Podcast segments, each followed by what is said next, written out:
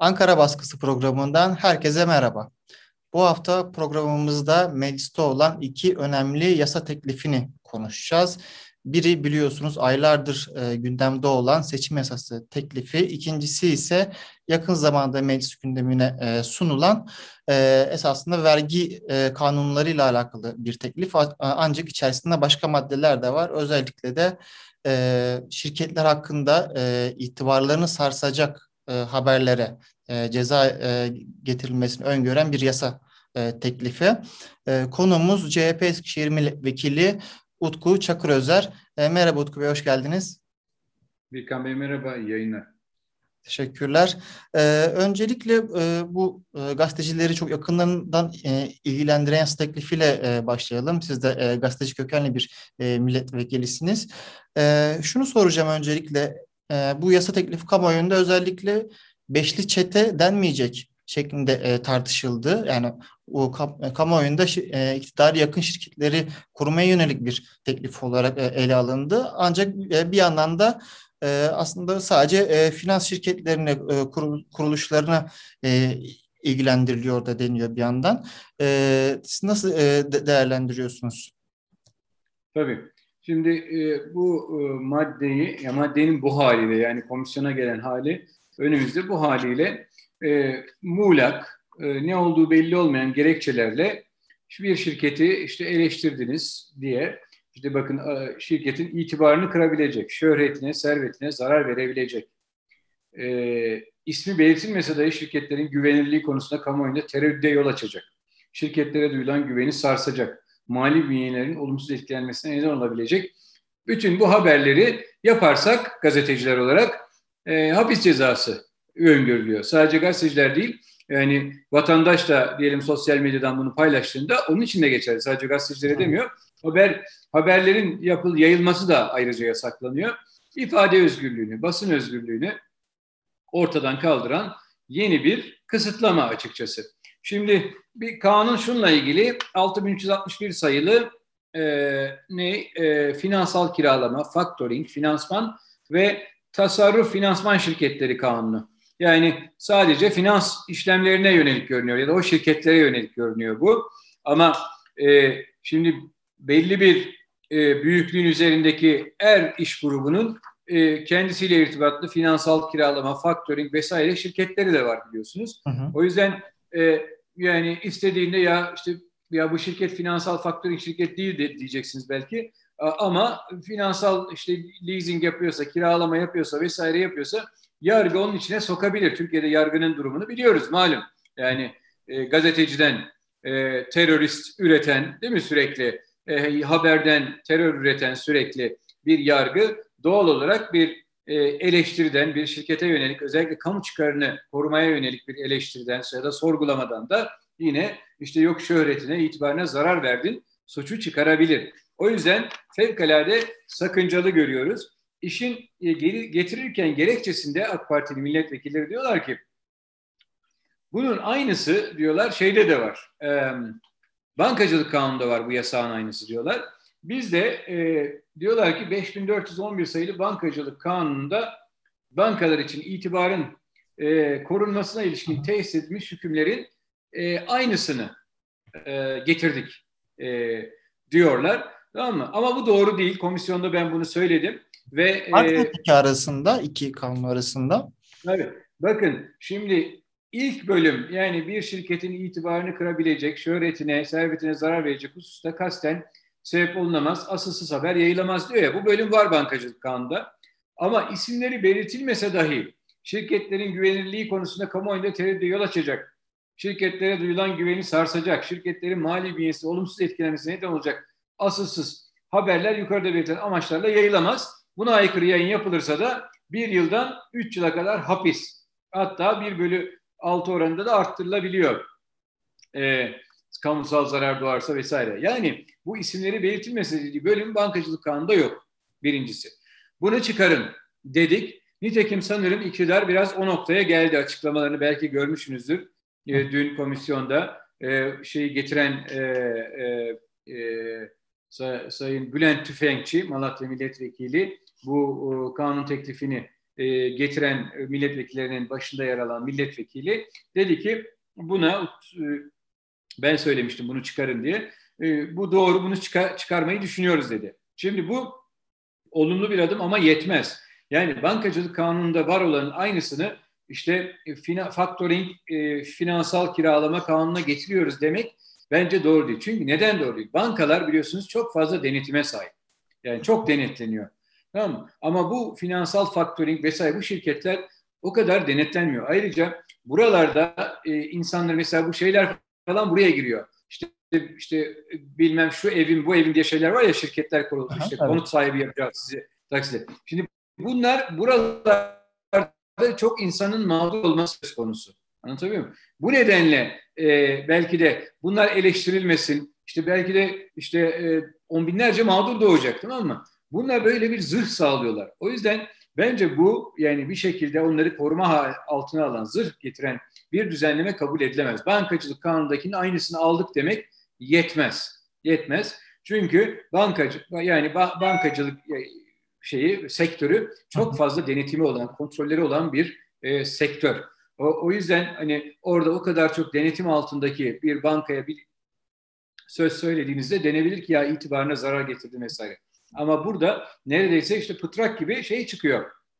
Factoring şirketi, işte e, finansal kiralama şirketi vesaire. O yüzden burası yani net bir şekilde gazetecilerin sorgulamasını yani gazeteci ne yapar? Sorar ya bu niye böyle oldu, bu şirket niye böyle yaptı, işte vatandaş zarar gördü. Yani gazetecinin sorgulamasını engellemeye yönelik bir düzenleme.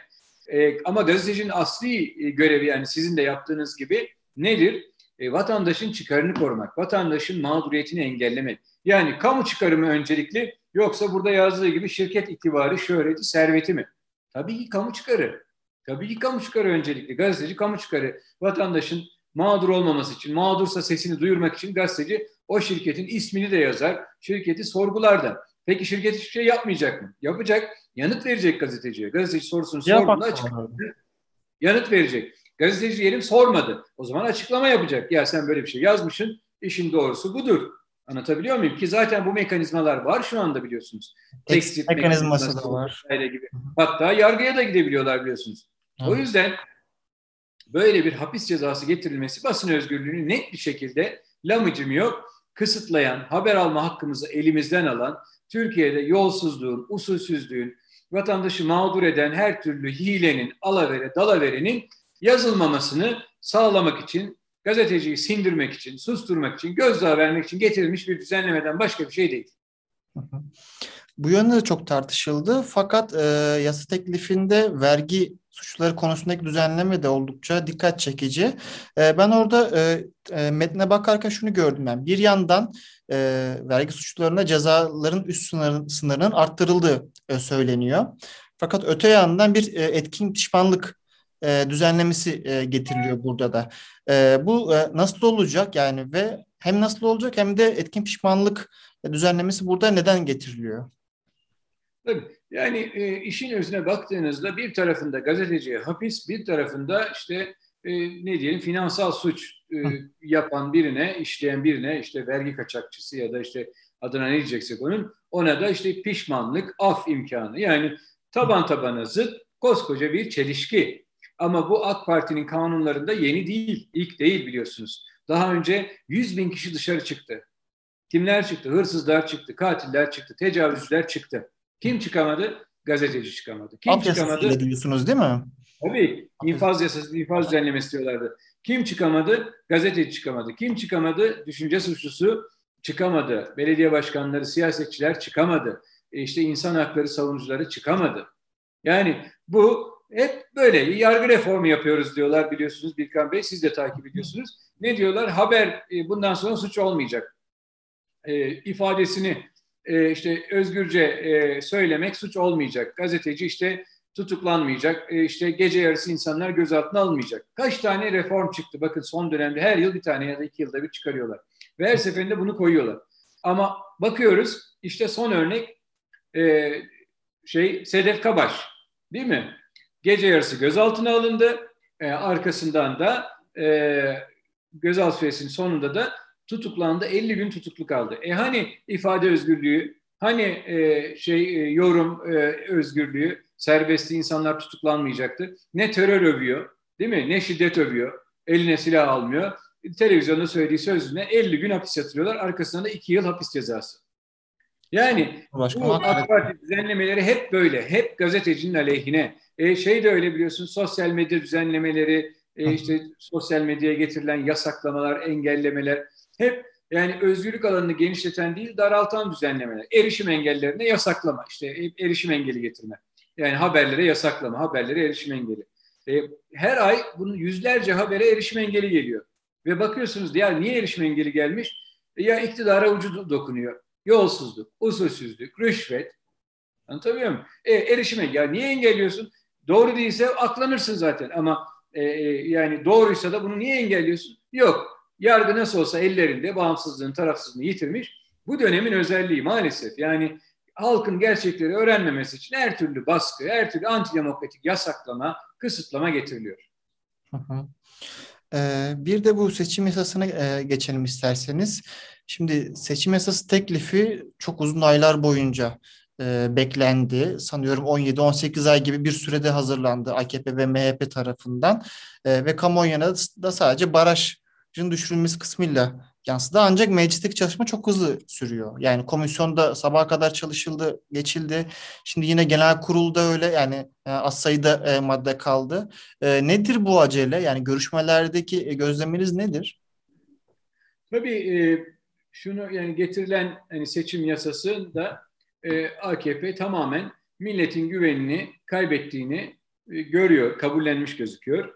E, ama bunun karşılığında iktidarı devretmek yerine acaba ben seçim yasasıyla oynarsam milletin güvenini kaybetmeme rağmen koltuğumu koruyabilir miyim arayışında getirilen bir düzenleme.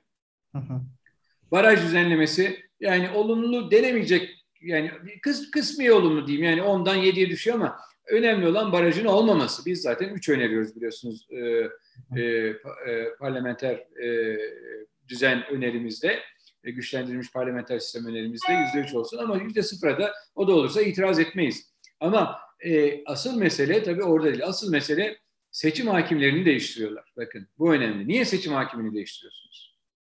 Seçim hakiminin bir kuralı var bugüne kadar teamül olmuş. Yani yasası var zaten de. Nedir bu? Her ilde, ilçede en deneyimli hakim yani en tecrübeli, en fazla deneyim olan hakim seçim kurulu başkanı oluyor. AKP bunu değiştiriyor. Niye değiştiriyor? Çünkü işte biliyorsunuz geçtiğimiz e, özellikle 15 Temmuz sonrasında e, alınan birçok işte savcı, hakim mesela yargıya alınan kişilerin önemli bölüm biliyorsunuz AKP kadrolarından geldi. AKP'nin partideki avukatları vesaire hepsi dolduruldu. Şimdi bunlar birinci sınıf hakim statüsünden kuraya konsun ki acaba biz işte kendimize yakın isimlerden şey yaratabilir miyiz? Bir seçim heyeti yaratabilir miyiz? Şimdi kendine güvenen bir iktidar e, seçimi kaybedeceğini düşünmese niye böyle bir adım atar? İkincisi işte sandık heyetleriyle biliyorsunuz e, sandık heyetlerine işte isim bildiriliyor. Burada diyor ki ya o, o ismi işte bildiren bir de onaylasın e, şeyine o, o parti adına görev alacağını. Ya zaten parti veriyor ismini işte yani bir şekilde veriliyor. Onun onayı demek ne demek? Şöyle korkutmak yani insanları dilekçe yazmaya zorlamak. E, insanlar da ya başıma iş gelir diye ya şimdi seçimde ben sandık heyetli olurum başıma iş gelir bu iktidar beni işimden atar oğlumu işimden atar bilmem ne korkusuyla dilekçe yazmayacaklar başvuruda bulunacaklar sandıklar boş kalsın. Amaç bu. Kendine güvenen bir iktidar, seçimi kazanacağına güvenen bir iktidar sandık heyetiyle oynar mı Birkan Bey? Yani ayrıca herkes yasaklı, seçim yasaklısı bir tek e, partili Cumhurbaşkanı seçim yasaklarına uymayacak. Şimdi böyle bir düzenlemenin hangi demokraside yeri var? Zaten partili cumhurbaşkanına biz karşıyız ama bir de partili cumhurbaşkanının devlet imkanlarını kullanarak kampanya yapması var ortada. Rakipleri yapamayacak, o yapacak. Böyle bir şey olabilir mi? Hangi partiden sen onun imkanlarıyla yap. Yok, devlet imkanlarını kullanacağız. Bu da son derece e, yanlış. Tabii birçok madde var ama işin özü, işin özü şu. E, AKP iktidarı, AKP MHP iktidarı, bu tek adam yönetimi dediğimiz saray yönetimi e, halkın kendisini göndereceğini anlamış durumda. Biz bunu nasıl önleriz? önleriz? Seçim hilesiyle işte vesaire. İttifak düzenine biliyorsunuz müdahale eden bir düzenleme var. Ama ne yaparlarsa yapsınlar millet artık e, kararını verdi. Yani zamdan, enflasyondan, hayat pahalılığından, e, bıktı. Dış politikadaki başarısızlıklar nedeniyle içeride ekonominin bozulmasından bıktı. İşsizlikten bıktı. E, adam kayırmacılığından özellikle devlete adam alırken, insan alırken e, hep böyle işte e, AK Partili olsun ya da AK Parti'nin il başkanı, ilçe başkanı yazsın, göndersin. Bu e, usulden insanlar bıktı. Böylesine liyakatsiz, böylesine kayırmacı siyasetten bıktı. İnsanlar artık kardeşlik istiyor, barış istiyor, kutuplaşmadan bıktı, ötekileştirmeden bıktı. Yani sorunlarının e, kardeşçe uzlaşarak çözülmesini istiyor insanlar. O yüzden e, bence yani ne yaparlarsa yapsınlar işte mecliste de bizim söylediğimiz o gidiciler, gidecekler. Yani ve bunu engellemek için işte e, aman işte nasıl hile yaparız, nasıl alavere dalavere yaparız. Öyle bir e, şey getirmişler. Biz tabii ki şeye bakın şiddetle karşıyız. Seçim hakimleriyle oynanmasına. Yani bu şiddetle karşıyız. Ee, Anayasa Mahkemesi eğer böyle çıkarsa, çıkmasını engellemeye çalışıyor. Böyle çıkarsa Anayasa Mahkemesi bu konuda hepsiyle ilgili değil. Mesela barajın düşülmesini, daha da fazla düşülmesini istiyoruz ama ondan 7'ye düşmesini hani e, veto edecek ya da öyle gitsin şeyimiz yok. Ama daha fazla düşsün istiyoruz biz. Sıfır olsun, üç olsun. Ee, ama bu hakimlerle oynamak, sandık heyetleriyle oynamak bunlar antidemokratik hamlelerdir. Ve bence geçmişte de yapana bu tür hamleler, seçim yasalarıyla oynamak hayır getirmedi. Şimdi de hayır getirmeyecek ama millete bir hayır getirecek. O da inşallah e, sağduyusuyla halkımız bu e, iktidar beceriksiz yönetimi artık e, sandıkta artık tamam diyecek, yeter diyecek ve kendisine hizmet etmeyen bir iktidar etmek isteyen bir iktidar getirecek. İnanıyorum ki millet iktidarı ile Türkiye'nin öncelikle toplumsal barışı, kardeşliği, huzuru sağlanacak. Sonra da ekonomideki bu beceriksiz yönetimin e, ağır e, işte enkazı üzerine sağlam temeller üstünde kurumlar ve kuralları olan bir sistem inşa edilecek. Tabii ki demokrasi ve hukuk devleti güçlendirilecek. Son olarak şunu sormak istiyorum. Şimdi e, genel kurul görüşmeleri devam ediyor ama e, hem bu e, muhtarlık düzenlemesi hem de e, seçmen kütüğünün e, güncellemesi konusundaki sürenin kısalması dışında pek bir değişiklik görünmüyor. E, e, çıkacak haliyle de. E, şimdi şunu soracağım. Hakimlerin e, kurayla belirlenmesi ve 3 ay sonra görevlerin değişecek olması, yine e, memleketin içinde bulunduğu e, ekonomik kriz ortamı göz önünde bulundurularak e, erken seçim ya da bir baskın seçim e, şeklinde yorumlar yapılıyor. Yine e, YSK'nın e, işte kırtasiye konusundaki verdiği ihalede e, acaba bir erken seçim geliyor mu, bir baskın seçim hazırlığı var mı e, ta, yorumlarına neden oldu. Siz nasıl görüyorsunuz? CHP bir baskın seçim, erken seçim bekliyor mu? Biz, bakın biz zaten Türkiye'nin sorunlarından kurtulmak için seçimin bir an önce yapılması gerektiğini söylüyoruz. Bu beceriksiz, liyakatsiz yönetimden Türkiye'yi kurtarmak için, saray yönetiminden, tek adam yönetiminden Türkiye'yi kurtarmak için seçime ihtiyaç var. Ama sorduğunuz e, bağlamda mesela seçim hakimlerini aslında süreleri var biliyorsunuz. Ocağa kadar şu andaki seçim kurulu e, hakimleri görevlerini sürdürebilirler. Ama 3 ay içinde değiştiriyor biliyorsunuz. E, bu normal bir e, şey değil. Normal bir adım değil. Normalde süresi bittiğinde yeni sistemle seçersiniz. Demek ki kız da bunu değiştirmek istiyor. Demek ki kafasında bir e, bir düşünce var. E, ama ne yapma düşüncesi var onu hani baskın seçim mi, erken seçim mi onu bilemiyorum ama bu konuda haklısınız. 3 ay içinde hemen seçim kurullarını değiştiriyor. Şimdi gelecek yıl yani 15 ay var seçime. Şimdi hızla seçim heyetlerini değiştirme niyeti e, bence de belki kafaların arkasında bir baskın seçim, erken seçim olabilir. Bize göre biz hazırız zaten biz istiyoruz. Bir an önce gidilsin. Hangi kanunu yapacaklarsa da yani biz antidemokratik hususlara tabii ki karşı çıkacağız, itiraz edeceğiz. Ama seçimi bir an önce bence Türkiye'nin faydasına, yararına görüyoruz. E, erken seçim, baskın seçim adı ne olursa olsun milletin iradesini ortaya koyacağı sandığın bir an önce Türkiye'nin önüne gelmesi gerekir. Hı hı. Çok teşekkür ederiz programımıza ben teşekkür ediyorum. Için. Sağ olun. Konuk ettiğiniz için teşekkür ederim. İyi yayınlar dilerim. Teşekkürler. Ee, evet bu hafta Ankara baskısı programında e, hem e, Meclis Genel Kurulu'nda görüşülen seçim yasası teklifini hem de meclise yakın zaman önce gelen e, gazetecilerin haber yapmasına yönelik bir engel getiren şirketler hakkında hem de vergi suçlarında etkin pişmanlık öngören bir teklifi konuştuk. Önümüzdeki hafta yeni programımızda görüşmek üzere.